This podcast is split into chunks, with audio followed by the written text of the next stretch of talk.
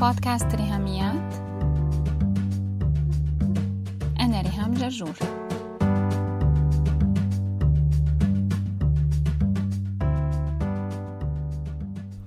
مرحبا. احتفالا بالحلقة رقم 20 رح نبدأ أخيرا بالمواضيع التربوية يلي هي بصلب دراستي واختصاصي بالتدريس والتربية وعلم النفس. واخترت أول حلقة تربوية تكون عن الشاشات رغم أنه هاد أقل موضوع بنسأل فيه. لأنه الأهل يلي بيعرفوني ما رح يسألوني لسبب بسيط أنه بيعرفوا رأيي.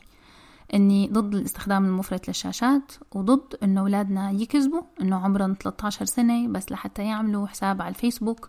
وضد شغلات كتير بشوف كل الأطفال يلي بعمر أولادي وأصغر منهم بيعملوها. مثل أنه معهم موبايلات ومو أي موبايلات كمان سمارت فون موصول على النت. عفوا موصول على غابة الإنترنت. لأنه أنا بسمي الإنترنت غابة كلها ضباع وحيوانات مفترسة. ونحن بنرمي ولادنا فيها يا أما لحتى نرتاح كم ساعة باليوم هن يسكتوا أو لحتى ندعي إننا عصريين ونفرجي ولادنا إنهم مو أقل من رفقاتهم ولا محرومين من شي. خدي حبيبتي سمارت فون وروحي على غابة الإنترنت لأنه هذا بيرضي ضميري وبيحسسني إني أم ناجحة وماني مقصرة بحقك بولا شي. وطبعا أنا حاطة احتمال إني زعل كتير ناس من ورا هالحلقة لأنه كلامي رح يكون مباشر وصريح وبالتالي غالبا ما رح يعجبهم. تخيلوا عن جد إنه هاد أقل سؤال بنسأله كيف خلي ابني يخفف لعب على الموبايل؟ لأنه عادة لما الناس بتلجأ لي بتسأل عن مشاكل تربوية بتكون هالمشاكل مرتبطة بوحدة من ناحيتين يا إما سلوكية سواء بالبيت آه، بين الولد هو وأخواته أو بينه وبين أهله أو بمصيبة عملها بالمدرسة أو بتتعلق بدرجاته وتحصيله العلمي. وهدول أكبر اثنين من الهموم عند الأهل. ودائما بيكون الخط واضح بالنسبة إلي لما أتبع المشكلة بلاقي إنه جذورها بمعظم الأحيان تتعلق بالتعرض المفرط للشاشات. بدي أول شي ألفت نظركم إنه نحن أول جيل أهل بيربي أبناء بإيديهم موبايلات. ونحن كمان أول جيل أهل بإيدينا نحن موبايلات. كنا من زمان لو حدا احتار بأمر تربوي وما بده يلجأ لكتاب أو لشخص مختص بيقول رح أسأل أبي أو رح أسأل أمي وناخد من حكمة يلي سبقونا. لكن نحن اليوم ما فينا نعمل هيك. ابني عمره عشر سنين وعم يلعب لعبة على الكمبيوتر. ما فيني روح أسأل أمي كيف كانت تربيني من 30 سنة لما أنا كان عمري عشر سنين. لأنه وقتها كانت سنة 1900 وخشبة. تحديدا 1989 لا كان في كمبيوترات ولا كان في دش. يا دوبك كانت القناة الأرضية الأولى قناة بالتلفزيون العربي السوري تفتح الساعة تنتين بحطوا لنا حلقتين أفلام كرتون وخلصت القصة. هون بداية الخطورة. وهون بيزداد احتياجنا للمختصين. لكن كمان بركة الإنترنت ووسائل التواصل الاجتماعي والتطور التكنولوجي إنه يلي ما له خلق على القراية أو يلي ما مختص بمجال التربية أو ما بيحب يقرأ كتب فيه يحضر مقابلة مع therapist معالج نفسي أو شخص متخصص بتربية الأطفال. فيه يتعلم بفيديو قصير ويستفيد أو يسمع حلقة بودكاست مثل هالحلقة. فيه يقرأ مقالات كم صفحة بس على الإنترنت بتتناول موضوع معين هو يعمل عليه بحث يعمل سيرش ويلاقي جواب لسؤاله. فالمعلومة صارت متاحة لكن بنفس الوقت نحن كأختصاصيين علينا مسؤولية رهيبة إنه نضل متابعين التطورات كلها ونحن كمان نضيف ونلاحظ ونراقب ونحلل وندرس ونجرب أمور وأفكار وتدريبات للأسف ما حدا قبلنا عملها لنعتمد على شغله. نحن اللي لازم نشتغل لأنه كل علماء النفس واختصاصيي التربية اللي سبقونا والكتب التربوية انكتبت قبل ظهور وانتشار الإنترنت. هي ممتازة لكن ناقصة. فاضي! نعم. حضرتك متأكد إن الدكتور اللي بيعالج مامي ده دكتور؟ يا سلام! ده أحسن دكتور في البلد بس بطر أنا من سنة تقريبا بلشت كتابة كتاب عن تربية الأبناء بعصر الموبايلات والإنترنت وراح خبركم منه تشبيه. خلونا نحطه ببالنا ببداية الحلقة ونرجع له كل ما حسينا بالشك إنه هل يا ترى فعلا الشاشات والإنترنت مضرة لهالدرجة ولا لا. التشبيه استوحيته من الاحتباس الحراري.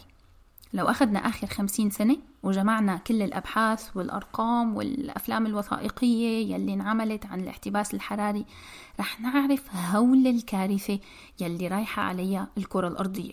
لو ما أخذنا إجراءات حاسمة وحازمة بكل تفاصيل حياتنا مثل استهلاك النفط البترول مثل إنتاج العبوات البلاستيكية انقراض أنواع حيوانات مثل في كائنات بحرية عم تبلع أكياس النايلون وتموت بأعداد هائلة وتنقرض الدب القطبي يلي داب الجليد مطرح ما هو عايش وصار يضطر يسبح مسافات أكبر من احتماله فيموت. غير ثقب الأوزون يلي عم يفوت أشعة ضارة لجسمنا بتسبب سرطان الجلد ومشاكل تانية إلى آخره إلى آخره. ما حدا فيه يحط إيده على شغلة واحدة ويقول ها هاد سبب الاحتباس الحراري.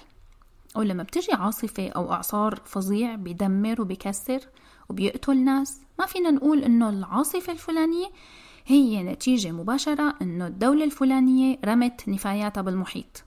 لكن كلنا بنعرف إنه في احتباس حراري وكلنا بنعرف أسبابه وشايفين نتائجه مثل الموجة أو الحالة يلي عايشينها. فلو حدا إجا وقال لا لا لا ما في شيء اسمه احتباس حراري. حنحسه أهبل أو نعامة طامرة راسها بالرمل. ونقول له فوق يا عم صرنا سنين عم ندرس هالبلوة انت وين عايش؟ ولازم ناخد إجراءات حتى نحمي حالنا حتى نخفف من السلبيات. نفس الشي بدي خبركن ياه بخصوص تسونامي الشاشات. هي الأمواج العالية يلي عم تخبط حياتنا عم تكسر وتدمر وتحطم. تسونامي الشاشات والنت والأجهزة الإلكترونية والألعاب ال digital خطر عايشينه كحالة. ما فينا نحط سبب مباشر ونتيجة مباشرة. مثل كتير ناس لما اعترضوا يوم اللي حطيت post مع hashtag hello brother. عم اترجى فيه الأهل يمسحوا لعبة ببجي من موبايلات ولادهم كان وقتها بعد الهجوم الإرهابي على المسجدين بنيوزيلندا. السفاح الأسترالي لما صور جريمته الشنعاء كان الفيديو بيشبه لعبة ببجي بشكل فظيع. لكن كتار اعترضوا إنه هذا هبل لما نربط الألعاب الإلكترونية بالسلوك العنيف أو لما نحط كل الحق والملامة على الألعاب الإلكترونية العنيفة. هن متخيلين إننا عم نقول هذا السفاح قعد لعب ببجي كم ساعة كم يوم كم شهر؟ وقام راح قتل عشرات الناس. لا. مو هيك بيكون الربط الساذج والمباشر. يعني مثل كأني عم أقول بفكرة الاحتباس الحراري أنا بفيق الصبح بفضي زبالة البيت تبعي بحطها كلها بنهر النيل الظهر الشمس بتشتد بتحرقني والمساء بروح عند الدكتور بيطلع عندي سرطان جلد. لا هي حالة هو وضع هي أمواج عم تتحرك مد وجزر عم ياخدنا ويجيبنا ولو ما وعينا له وانتبهنا لخطره. وأخذنا قرارات حاسمة وحازمة فنحن رايحين في ستين داهية. يا لهوي موضوع تسونامي الشاشات شوي بشوي عم يتحول لشغلي الشاغل تربويا بهالمرحلة. عكتر ما عم فكر فيه وأقرأ عنه وراقب الأطفال حوالي وأعمل قوانين لأولادي وشوف الوضع المأساوي يلي وصلنا له. باللاوعي بلاقي حالي عمال على بطال عم جيب هالسيرة. مثل الدكاترة يلي بمناسبة وبدون مناسبة بيحذروا من الشيبس والأندومي واللانشون. شي مرة قلنا لهم لا لا لا انتو عم تبالغوا هذا الشيبس مو مسرطن واللانشون ريحته حلوة ونحن بنعمل سندوتشات لانشون لأولادنا على المدرسة و... وشو نعمل غيره يعني مضطرين ما بياكلوا يعني الأولاد غير هيك. والأندومي طعمه طيب ودافي ورخيص. والهيك أكلة وشكله ممتع. بينباع هيك بكوباية كرتون كبيرة وحلوة مع معلقة وشلمونة خلي الأولاد ينبسطوا. لا الدكاترة بخاطبوا عقولنا. الدكاترة ما عم يسكتوا. عم يحكوا بمنطق وإقناع حقيقي ومدروس وعم يجيبوا لنا إحصائيات وتحذيرات من مستشفى سرطان الأطفال ومن أماكن عم يشوفوا فيها هول النتائج الكارثية. بيقولوا قلي البطاطا بالزيت الساخن ينتج عنه مادة الأكريلاميد المسرطنة. هذا كمان يعني ما بنعرف الزيت زيت سيارات الزيت القلي مجهول المصدر واللون والرائحة. وبيأكدوا لنا أنه الإندومي سمن زعاف واللانشون مطحون فيه كل أجزاء الحيوان المذبوح مع كميات مواد حافظة ألوان مسرطنة وثبت بالدليل القاطع. والأبحاث على فئران التجارب أنه استهلاك هالزبالة اللي بنسميها أكل بس هي بالحقيقة زبالة بيراكم سموم بالكبد والجسم ما بيقدر يتخلص منها. مع الوقت نتائجها كارثية أمراض مزمنة وأورام خبيثة مميتة. بس للأسف ما في فئران قاعدة تلعب ببجي كذا ساعة كذا شهر حتى نعمل عليها تجارب. وما في فئران عمرها كم شهر أو عمرها سنة ونص منلزق موبايلات هيك بمناخيرها ومن طعمية الموزة المهروسة من عجنب بدون ما تحس. لحظة لحظة لحظة. بس أنا لازم شغل أغاني أطفال على موبايلي لبنتي لأنه هي ما بتاكل غير هيك.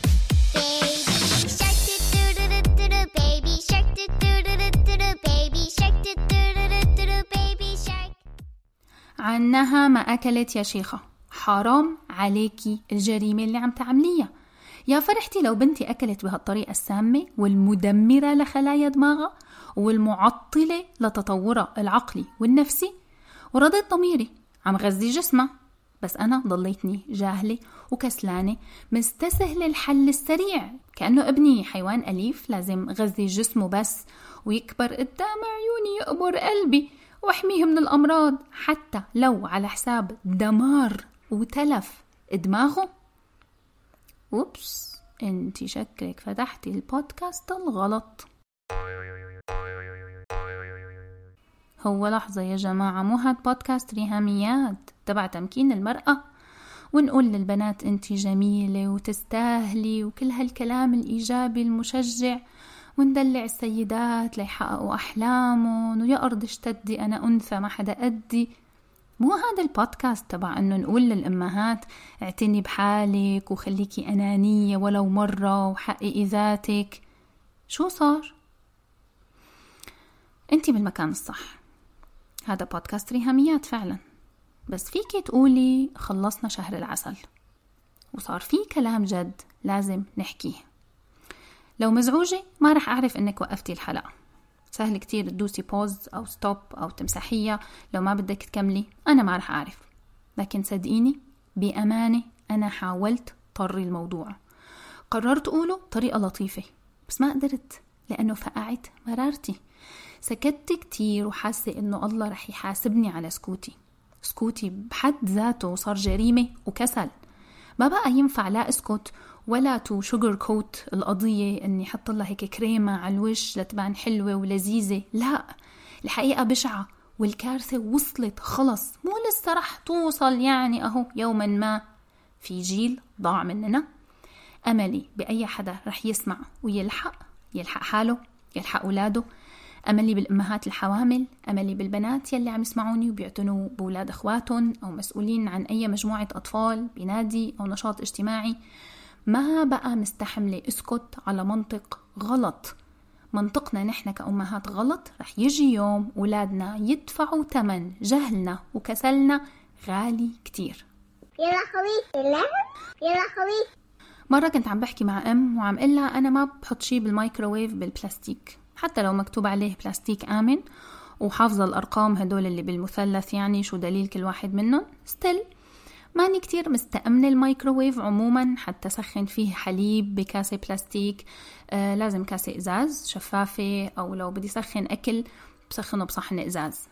قالت لي أنا جدي بيشتري بالجملة أرخص نوع صحون بلاستيك أبيض من هاد الرقيق تبع أعياد الميلاد وبيحط فيه طبيخ بسمن وأيا كان بسخنه بالميكروويف وبياكل وما صار له شي. أنا انصدمت من هذا المنطق وسكتت لكن قلبي كان عم يبكي. جندا كان بالثمانينات وبعد كم شهر توفى. شيخوخة مو سرطان. أكيد ما لحق ينضر أو يصير له شي من البلاستيك الرخيص. لكن قلبي بكي عولادة واللي كنت عم أتقطع حتى إلا إياه وما قدرت أقوله. معك حق جدك ما رح يصير له شي. ما رح يلحق يصير له شي. بس ابنك بعد عشرين وثلاثين سنة من استهلاك البلاستيك السايح بياكله متفاعل مع الدسم الساخن. رح يتجوز ويجيب لك أحفادك تعتني فيهم لأنه هو رايح يتعالج من السرطان. من وراء البلاستيك الرخيص يلي كان يسيح ويدوب مع الأكل بالميكروويف عبر عشرات السنين يتراكم بجسمه. المنطق تبعها الأم بالتعامل مع أولادها مثل ما جدها بيتعامل مع الميكروويف منطق شائع جدا لكنه غلط وخطير ومؤذي. حتى لو كان هو اللي بيحكم قراراتنا المصيرية مثل إننا نقول طول عمرنا بنضرب وأدينا زي الفل. لا. أولا أنت مانك زي الفل. ثانيا لو في شي أهلنا كانوا بيعملوه فهذا ما بيعني إنه مسلمات. وصح وتصريح إننا نطبقه مع أولادنا اليوم على العمياني بدون ولا مراجعة ولا تدقيق بدون قراءة للعصر والزمن بدون طرح بدائل والتفكير بخيارات تانية غير الكوبي بيست عن الوالد والوالدة ومفاهيمهم التربوية. بداية من حزام البابا.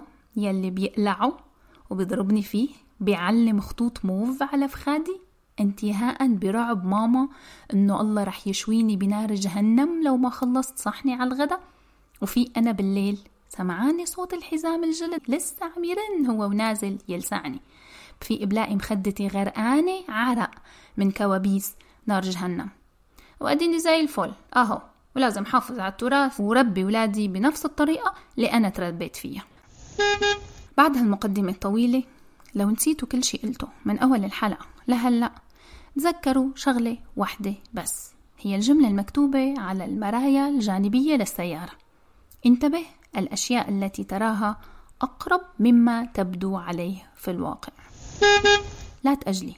لو عندك ولاد لو إخواتك عندهم ولاد لو عندك أحفاد أو مسؤولة عن مجموعة أطفال بحضانة بالعيلة بالنادي بالكشافة لخطر قريب وقريب كتير أقرب مما يبدو عليه في الواقع.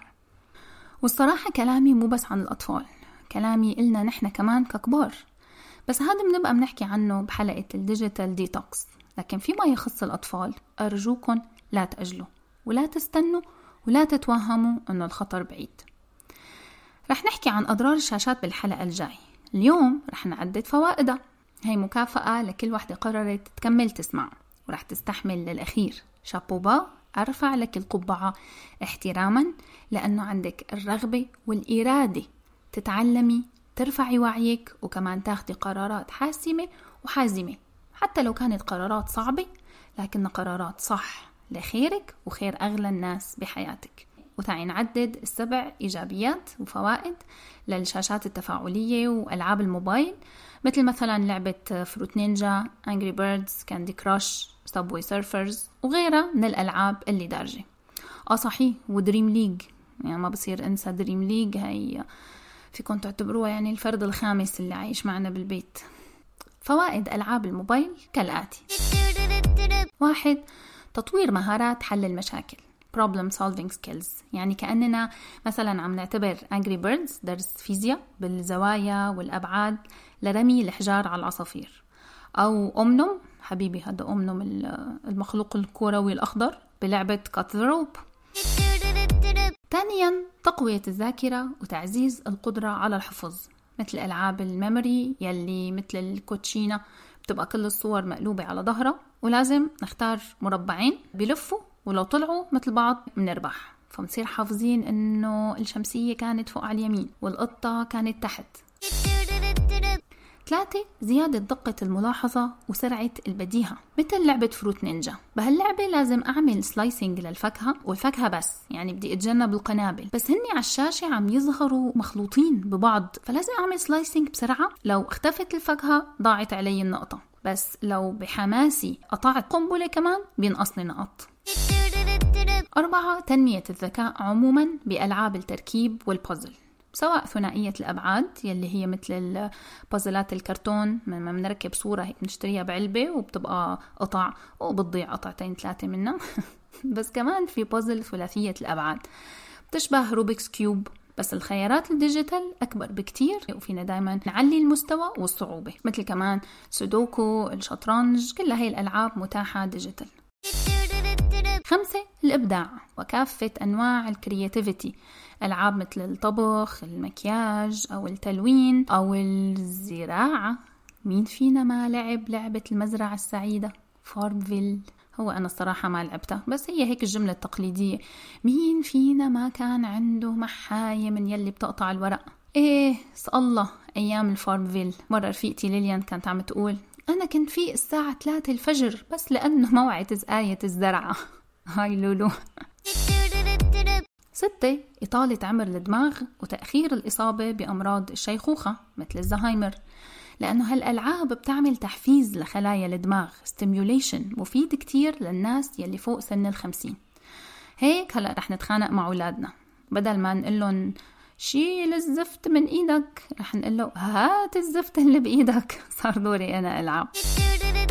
وما بدنا ننسى الفائدة السابعة وهي تطوير المهارات الاجتماعية والتعاون بالألعاب الجماعية على النت. لما كذا لاعب سواء بيعرفوا بعض شلة صحاب يعني أو لا مجرد التقوا على النت وكل واحد من بلد بس محتاجين يتعاونوا سوا ليحققوا نقاط معينة أو ليحلوا لغز أو يربحوا مباراة. قال أضرار شاشات. قال ليكو الشاشات ما أحلاها. سبع فوايد كل فايدة أحلى من التانية.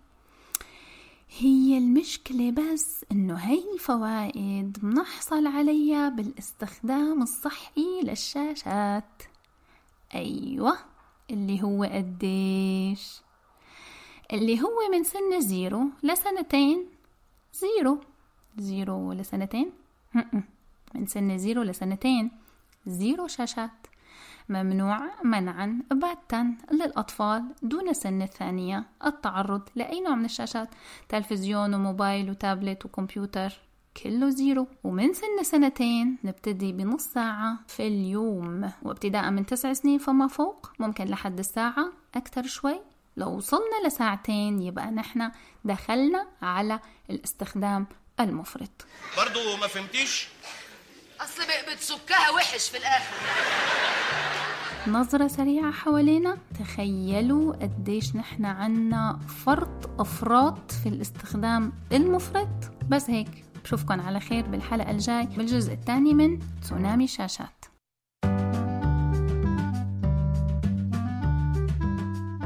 شكرا شادي بهاء على ال sound editing لو بتحبوا تتواصلوا معي فيكن تبعتوا لي إيميل على ريهاميات at gmail.com r i h a m i a t at gmail.com أو على الواتساب تبعتوا لي message على الرقم صفرين عشرين 12 12 2 70 74 4 أو على الفيسبوك تابعوا هاشتاج ريهاميات. سلامات.